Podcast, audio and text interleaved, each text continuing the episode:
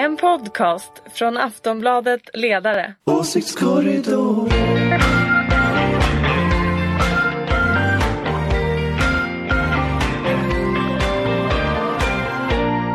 Välkomna till eh, Åsiktskorridoren, Aftonbladets ledarsidas podd som i princip sänds varje vecka. Varje fredag faktiskt. Och likt Åsa Romson är vi tillbaka nu efter en lång sommar. Karin Pettersson, här är jag. Daniel Svedin, Hallå? Ulrika Schenström. Halloj. Två förstnämnda sossar och Ulrika moderat. Yes. Jag heter Fredrik Virtanen och jag är fullständigt neutral och om jag inte är det så är jag på Schenströms, jag är på Schenströms sida. Det har jag varit tidigare. Även om då jag varje lördag skriver propaganda just på Aftonbladets ledarsida. Ja, vi har inte sänt sedan i juli. Almedalen sände ni. Men det har hänt saker ändå. Mm. Men först måste vi, vad har Lars Adaktusson gjort under sommaren? Han verkar vara emot homoäktenskap. Det verkar vara liksom det senaste. Men det kan inte eh, vara nytt. Är det en Nej ny men han är hållning? om det igen. Okej, ja ja. Vad det var han ägnade Vilken åt? gammal slagdänga. Det är en gammal evig fråga. Ja, men han har väl också byggt sin, har jag sett på, på Twitter, sin kärleksaffär med den assyriska minoriteten. Vilket är väldigt behjärtansvärt. Den assyriska minoriteten Ja, har gjorde ju inte alltid haft det så lätt och har det väl inte heller just nu i Mm. Mellanöstern. Men eh, han är väldigt poppis bland eh, människor med assyriskt Och kanske inte lika pop, poppis då bland homosexuella. Nej, Nej vi. det skulle vi väl kunna gissa. Okej, den politiska sommaren från, från din horisont, Ulrika Schenström. Ja det var ju tråkigt det här att det var så himla regnigt. Så att man fick ju lov att följa allt. Annars brukar jag försöka, det går ju inte så bra, att stänga av och du vet sådär. Men när det regnar och man sitter där i Värmland och det ena händer och det andra händer och man blir bara mer och mer förskräckt. Så att jag måste säga att ehm, det var inte sådär jättebra sommar. Det var inte den bästa. Nej. Många har gjort, eh, eller alla har väl gjort det, analysen att liksom, hatet fullständigt spårade ur den här sommaren. Och särskilt då när Svenska Dagbladet och Göteborgs-Posten blev eh, Sverigedemokraternas favoritläsning och någon problemformulerade på samma vis. Håller du med om det Schenström? Ja, nej, alltså jag tror så här att jag, jag, jag, jag känner mig lite uppgiven idag som ni märker. Och det beror på att jag tycker att nästan hela etablissemanget oavsett vilken del, oavsett om det är socialdemokrater, moderater, centerpartister så, så är det lite för mycket sånt här talepunktstuggande.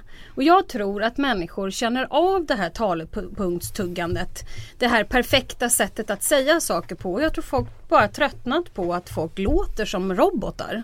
Mm. Om jag ska vara riktigt ärlig. Jag tror att vi kanske ibland på, tror att människor är mycket mer rasister än de egentligen är. Jag tror bara folk är jätte, jättetrötta på sina gamla partier. Jag skulle säga att det är tre partier som verkligen, verkligen verkar ha en plan. Jag skulle säga att det är vänstern. Jag tror faktiskt att de har en plan. Jag skulle säga att det är Centerpartiet. Jag tror att de har en plan. Sen behöver vi inte hålla med om vad planerna är. Och tyvärr tror jag att Sverigedemokraterna har en plan. För Sverige eller för det Ja, egna för, hur partiet? de, för det egna partiet åtminstone. Att liksom, vad de vill, eh, vart de är på väg och så vidare. Medan resten som i många eh, stycken har tagit hand om svensk inrikespolitik och tagit ansvar på något sätt är ute och seglar lite. Jag tror att det ligger eh, mycket i det du säger Ulrika. Vi har ju varit kritiska på ledarsidan. Det är roligt, för jag bara säga det om den här ingången att vi pratar om sommarlov. Det känns ju som väldigt länge sedan sommaren just nu när man har varit igång och jobbat ett tag. Men ehm, det är roligt att podden är tillbaka. Nej men vi, vi har ju varit väldigt kritiska mot eh, det parti som vi eh, vi är ju en oberoende socialdemokratisk ledarsida men har varit väldigt kritiska mot regeringen för att de eh, är så tafatta eh, i den här senaste situationen med flyktingkris. Att de kommer in i den så sent och så fumligt och så eh, ja, verkar helt tagna på sängen och inte har någon känsla för vad som rör sig där ute. Och det kan man ju fundera över på liksom olika nivåer. Vad som är problematiskt med det. En sak är ju att man kommer in då och missar chansen att forma opinionen. Men det som bekymrar mig är ju att om de har så dålig koll på vad som rör sig i människors huvuden och vad som engagerar folk, då är ju det liksom ett större problem än just den här enskilda situationen med hanteringen av, av flyktingkrisen. Då är ju det ett tecken på att man inte riktigt eh, är i takt med sin tid överhuvudtaget. något som bekymrar mig lite grann är ju också när det har väl har kommit utspel oavsett från vilket parti det har varit så har alla, när det gäller just hur man ska lösa eh, ja, integrationen liksom har ju varit den stora diskussionen under våren men nu också flyktingmottagandet, alltså det första initiella att man är så jävla snabb med att Mm. skjuta ner. Alltså, nej men det är dåligt eller för lite. Eh, jag vet inte om jag tycker att så här, eh, att jag är för mycket konsensustänkande. Att så här, men vore det inte bra om den bara satte sig ner och, och löste det här istället för det, det är inte tid för liksom inrikespolitiskt bjäfs längre. Nej, nu ska de ju ha ett det. samtal ikväll. Mm. Vi spelar in det här torsdag. Eh, och vi får se vad de kommer ut från det. Regeringen har presenterat eh, förslag på liksom sin kravlista i det här. Eh, om man liksom inte kan komma överens om någonting eller säga att ja, men vi har en samsyn ändå. Mm. Eh, då tycker jag det bekymmersamt. För att använda Ja och sen tror jag också att det finns en ehm, Om vi tittar på de här mätningarna som kom liksom i, i slutet på augusti och så vidare. Eh, när svaret på dem är att det är fel på mät, äh, mätmetoden. Jag tänker opinions... eh, Ja det blir liksom en metadebatt som inte handlar om så här, den fara vi står inför. Mm. Att det finns ett parti som tar över mer och mer i opinionen som vi egentligen inte vet exakt var de är på väg någonstans. Men bilden på, på Allan 3, han som flöt i land död, blev ju en game changer ändå. Alltså engagemanget blev ju enormt, det började hända saker i politikens värld. Och, och, och vindarna har ju liksom vänt under en period. Kommer det hålla i sig? Ja, Jag skulle ju verkligen hoppas att det gör det. Eh, nästan alla jag känner engagerar sig i det här på ett eller annat sätt. Men du vet, jag är inte så säker på att det kommer göra det. Jag minns när vi hade den stora diskussionen om järnrören. När hela etablissemanget satt och sa nu är det slut. Nu är de körda, nu kommer den här partiledningen att dö ut. De kommer inte finnas någon mer, äntligen är det klart. Jag vet inte någon som inte sa det. Och det var just därför tror jag de gick upp. Jag tror att varje gång man går i fällan att vara den här, jag är lite finare, lite bättre, så vinner de på något sätt. Men jag tycker inte att Sverigedemokraterna har, för det är det partiet vi pratar om liksom outtalat här. Jag tycker inte att de har varit en spelare i den här Nej. senaste veckan överhuvudtaget inrikespolitiskt. Helt tysta har de Precis. varit. Jag har kollat dem på Ja, Twitter. De ja. har liksom en del legat ju, lågt. Kent Ekeroth är ju Jo, jo. grotesk precis som vanligt. Men i övrigt så, och det är ingen som förhåller sig till dem heller. Eh, men nu kom det en mätning som visar att SD ändå ökar opinionen. Jag fick ett triumfatoriskt mail av en läsare att det är jättebra och så citerade han något eh, Vilhelm Moberg citat om demokratur. Eh, och, och liksom, men jag det, det, tänker, Mm. tänker ändå att det som man ser nu om man då ska fortsätta med att citera är ju eh, Martin Luther King som sa att liksom, den stora tragedin eh, den stora tragedin är inte de onda människornas brutalitet utan de goda människornas tystnad. Mm. Och jag tänker att de 20 000 personer som samlades på Götaplatsen igår i Göteborg de 15 000 i söndags det är liksom de goda människorna som har brutit sin tystnad. Och det tror jag är jättemycket värt. Mm. Även om det kanske inte påverkar opinionsströmmarna eh, på det sättet Mm. som vi hoppades eller tänkte. Men hur man ska bygga vidare på det, det är ju en annan. Men jag tror att du hade en eh, viktig poäng eh, för en liten stund sedan Daniel. Att jag tror också eh, och jag håller med dig lite grann Ulrika också att jag tror att det människor ser nu det, Dels ser vi den här viljan att hjälpa Den tror jag liksom är, är bred och kraftfull. Sen hur länge den här liksom uppmärksamheten kring det håller i sig det är jag inte heller så himla säker på. Men jag tror att det finns krav, jag tror människor verkligen känner att nu måste ni politiker, liksom, vi gör vårt nu. Liksom, nu hjälper folk till och skänker pengar. Mm, och så är de andra talepunktstuggare och liksom och gör inte det. Då måste, då måste liksom, nu leder liksom folkopinionen här. Nu måste politikerna eh, på båda sidor blockgränsen ta sig samman. Och det var ju glädjande att Folkpartiet idag liksom bytte fot i den här frågan om kommunmottagande.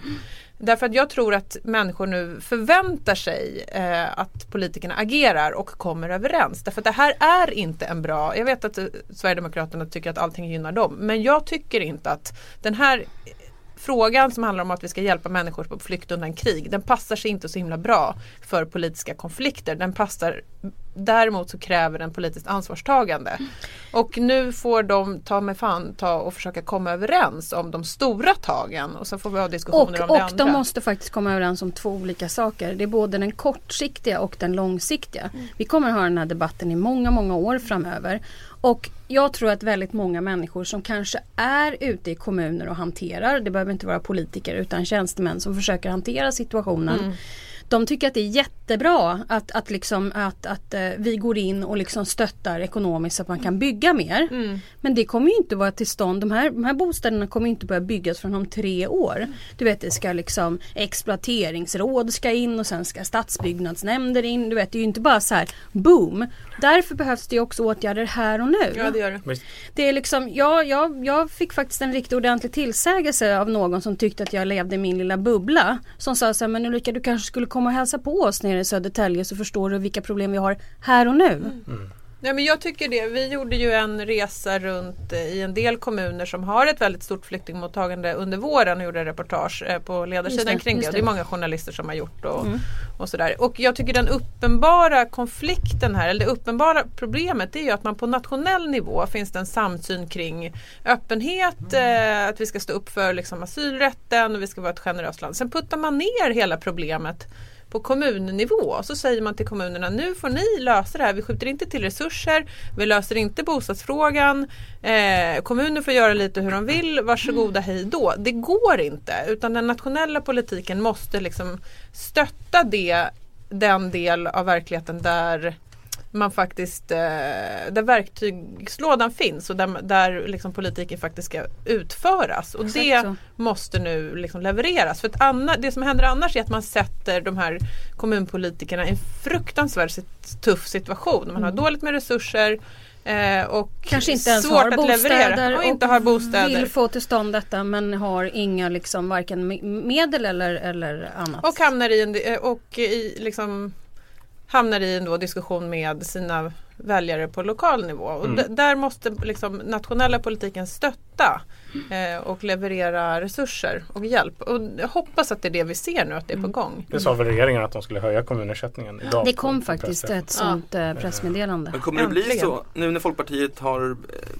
kommit ut och vill tvinga kommuner. Kommer det bli så nu då att alla kommuner ja, tvingas helt enkelt? Jag tror att det kommer att landa i det till Mm. slut. Men du kommer att se partier där det kommer att finnas extremt Mm. interna stridigheter kring detta. Som är både liksom, eh, där det just handlar om att, att man kanske har byggt upp hela kommunen och sitt eget politiska eh, ansvar och sin egen politik på att just eh, göra som man vill. Mm. Och det är ju ändå en inrikespolitisk fråga också. Alltså, Tired of ads barging into your favorite news podcasts? Good news. Ad-free listening is available on Amazon Music for all the music plus top podcasts included with your Prime membership. Stay up to date on everything newsworthy by downloading the Amazon Music app for free or go to amazon.com slash news ad free.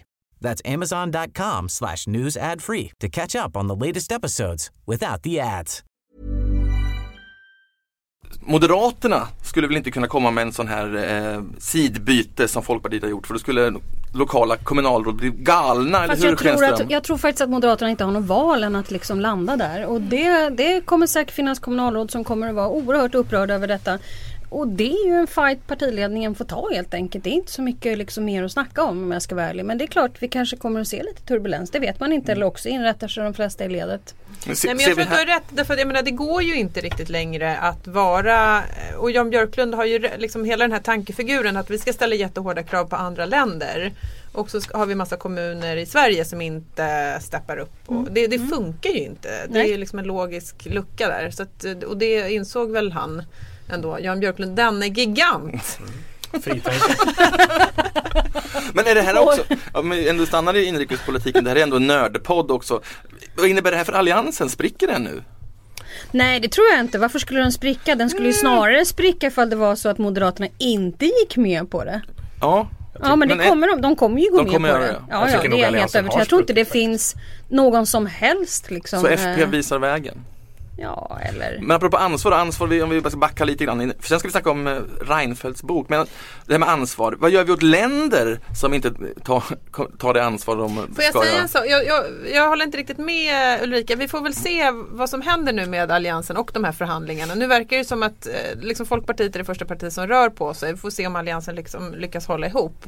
Eh, möjligen, eh, vi har ju argumenterat i sommar för att den här som vi började podden med, den här mer liksom aggressiva retoriken på borgerliga ledarsidor eh, och splittringen bland opinionsbilder som vi har sett väldigt tydligt inom eh, högeropinionsbildare och delats upp i liksom en liberal fala- falang och en mer konservativ falang. Att kanske ser vi att samma sak kommer hända inom alliansen. Att Kristdemokraterna, Ebba Busch Thor profilerar partiet väldigt tydligt i en liksom värdekonservativ riktning medan Annie Lööf går åt andra hållet. Men vi, vi får väl se. Jag undrar om det inte är så att det här är eh, början på en ny mitt kanske.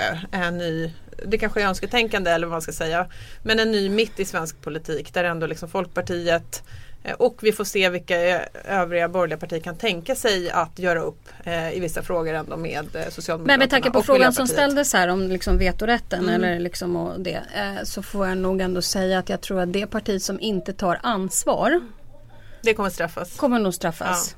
Det, tror, I, alla fall. I alla fall av de kärnväljare som finns. Hästväljarna som är kvar Mm. när alla andra går till SD. Häst. Eller Där fick han till Centerpartiet, det. eller Centerpartiet som har gått upp väldigt. Ja. eh, Så att det är ju, för Och Moderaternas ju- del är det en dubbel utmaning. De Visst. har ju tappat till SD men nu tappar man ut andra hållet också så de kan ju inte gå Och liksom det var och därför bli... jag valde också att säga det här. Att det finns tre partier som verkligen verkar ha en plan. Mm. Vänstern, Centern, SD. Eh, och där får man ju liksom säga, alltså Moderaterna ska ju också se upp för Centern alltså. Och det har jag sagt länge. Alltså Centern har ju en självbild av att det är bara en liten parentes att de har varit lite små. För deras självbild är typ 30. Ja men det är ju Mm. det är ju bra. Ja, jag, måste, jag ställde ju den här frågan ändå. Alltså Löfven har ju varit och snackat med Merkel och man ska öka kvotflyktingar till 120 000. Men vad gör man åt länderna som inte vill, länderna nu som inte vill ta ansvar? Det blir Freja upp till Merkel och vad man ska göra men jag tror hon kommer att faktiskt fixa det här rätt bra. Jag tror hon kommer vara stenhård. Hon har ju ett kort att spela med och det är fri rörlighet inom, inom Europa. Det är Absolut. inte någon rolig tanke för eh, östeuropeiska länder att om Merkel säger okej men hörni då skiter vi i Schengen då eh, om ni inte tänker hjälpa till. Så det är ett högt spel. Men samtidigt kommer det bli lite problem med till exempel så länder som Grekland som verkligen har en väldigt dålig ekonomi och så. Så till slut så är det väl frågan om hur mycket som hur mycket medel man får för hur många man tar emot. Om Om jag ska vi får gå vidare. Den här, den här mycket deprimerade panelen idag. Nej jag är inte så... de- Nej men vi är lite uppgivna för det är ett Ja. läskigt läge. Ja men jag, det som har hänt tycker jag, dels är den här folkopinionen och sen är det ju också att den opinionen på något sätt skapar nya eh, utrymme för nya politiska lösningar. Och det är faktiskt någonting som har hänt sedan sommaren. Att det finns nu eh, politiker som tar lite mer ansvar både internationellt och kanske också här i Sverige. Det är mycket välkommet. Liberalers och vänsterpersoners kärlek till Angela Merkel hade man ju inte kunnat föreställa sig. Nej, absolut. I juli till exempel. Det är ju... Mina nya politiska idoler, Angela Merkel och påven. Det Men- känns konstigt. Ja men på en, på en Vi har verkligen inte setts på flera månader. Med några skratt går vi då vidare till Fredrik Reinfeldts bok som ju kom här om veckan. Halvvägs. Har du läst den Fredrik? Nej, men har ni läst den? Inte jag. Jag har läst Jag har delar. läst den. jag, jag har faktiskt recenserat den i Studio 1 tillsammans med Daniel Suonen. Eh, men jag har inte lusläst den. Eh, jag har läst valda delar och eh, jag skulle nog säga att den boken är flera olika typer av böcker. Det är liksom någon slags barndomsskildring. Sen är det ju vissa inrikespolitiska händelser som jag personligen skulle kunna tänka mig att skriva 350 sidor själv om. Ja, do Eh, it! Men som är beskrivna på typ en halv sida. Eh, så att, så att jag... Han beskriver då eh, journalister som maskar som letar sig in i Ja, det alla där har jag inte kroppsöppningar. läst men det är många som har ringt mig om just exakt den Men meningen. stopp, kan vi bara, hur kan du recensera en bok utan att ha läst den? Nej men jag har inte läst den sådär du vet att jag har suttit Snabbläst rakt upp. riktig- Jag har liksom Orättvist mot din gamle chef att inte läsa eller den när du ska jag tycka fick om den den. inte förrän samma dag där jag skulle sitta och recensera den. Nåja, du var ju presschef hos Moderaterna. Är det så ni ser på oss journalister som maskar, som letar sig in? Du skulle bara i- veta. Är det värre än så? Det är värre. Men jag tycker att det är roligt, nu har jag ju inte heller läst boken. Jag har men faktiskt aldrig sagt det in, någon gång. jag tvekar inte att prata om den ändå. Men Nej, eh, inte Schenström heller. han verk, Fredrik Reinfeldt verkar inte uttrycka så mycket andra liksom starka, passionerade känslor. Men då, det här är ett enormt kraftfullt språk måste man säga. Maskar, kroppsöppningar. Och det här Det handlar, är ju, eh, men det här handlar om när han beskriver drev. Ja. Eh, och det är många som har studsat just på den här Ja. meningen om maskarna i kroppsöppningar. ja, det är en äcklig bild. Nils. Jag kan förstå att man känner så eh, faktiskt. Men Ulrika, du nämns bara två gånger i boken. Mm. Vi, vi andra noll. Och Zlatan nämns två gånger och Frank och Zappa det är en gång. coolt faktiskt. Jag och Frank Zappa två är- gånger. men är du Nej, en nöjd- gång Frank Är Zappa. du nöjd med två mentions? Jag kan säga så här att jag sa i Studio 1 följande. Ehm, Du citerade jag själv. hade velat... Älskar när man citerar sig själv. Ja men det är underbart. Ja, Ja, ja vi kör. älskar det ju. Då backar vi så börjar vi om från början. Jag sa Som så jag här i sto- Studio 1. Nej men så här, det finns ju jätte jätte och han har fått en hel del kritik för det. Eh, Det finns ju jättemånga som han inte nämner överhuvudtaget. Eh, till exempel sina eh, ja, Nikola Klase, Kristoffer Tamsons, Gunnar Wislander, HG Westberg. Roligt att du kände det. Eh, Du och, måste läsa nej upp. men allvarligt talat så det finns ju olika, olika jag, jag tycker att man ibland kan tacka människor som, Mm. som har eh, betytt mycket och det är säkert väldigt många som, som eh, kanske hade känt att de hade kunnat få bli det. Men det här är kanske inte den boken, kom ihåg det. Att alla skriver lite olika böcker. Man kan inte alltid jämföra. Bara för att Göran Persson tackade 250 personer i sitt inledningskapitel betyder ju inte att den här boken måste vara exakt Så samma. du är Så att- egentligen arg på Fredrik men samtidigt försvarar du honom? Kan vi sammanfatta det Nej så? jag är faktiskt inte ett dugg arg men du, däremot hade du, det... du nämns ju två gånger vilket är mycket mer än de här du nämnde. Så du Ja bra. men så här. Jag tycker att det är jätteviktigt att komma ihåg att han kunde ha skrivit väldigt mycket om hur regeringskansliet och ett parti och, och Mynttorget 1 hur det är en grå vardag. En grå vardag, inte när Obama kommer och hälsa på utan hur det fungerar i ett politiskt parti och ett regerande.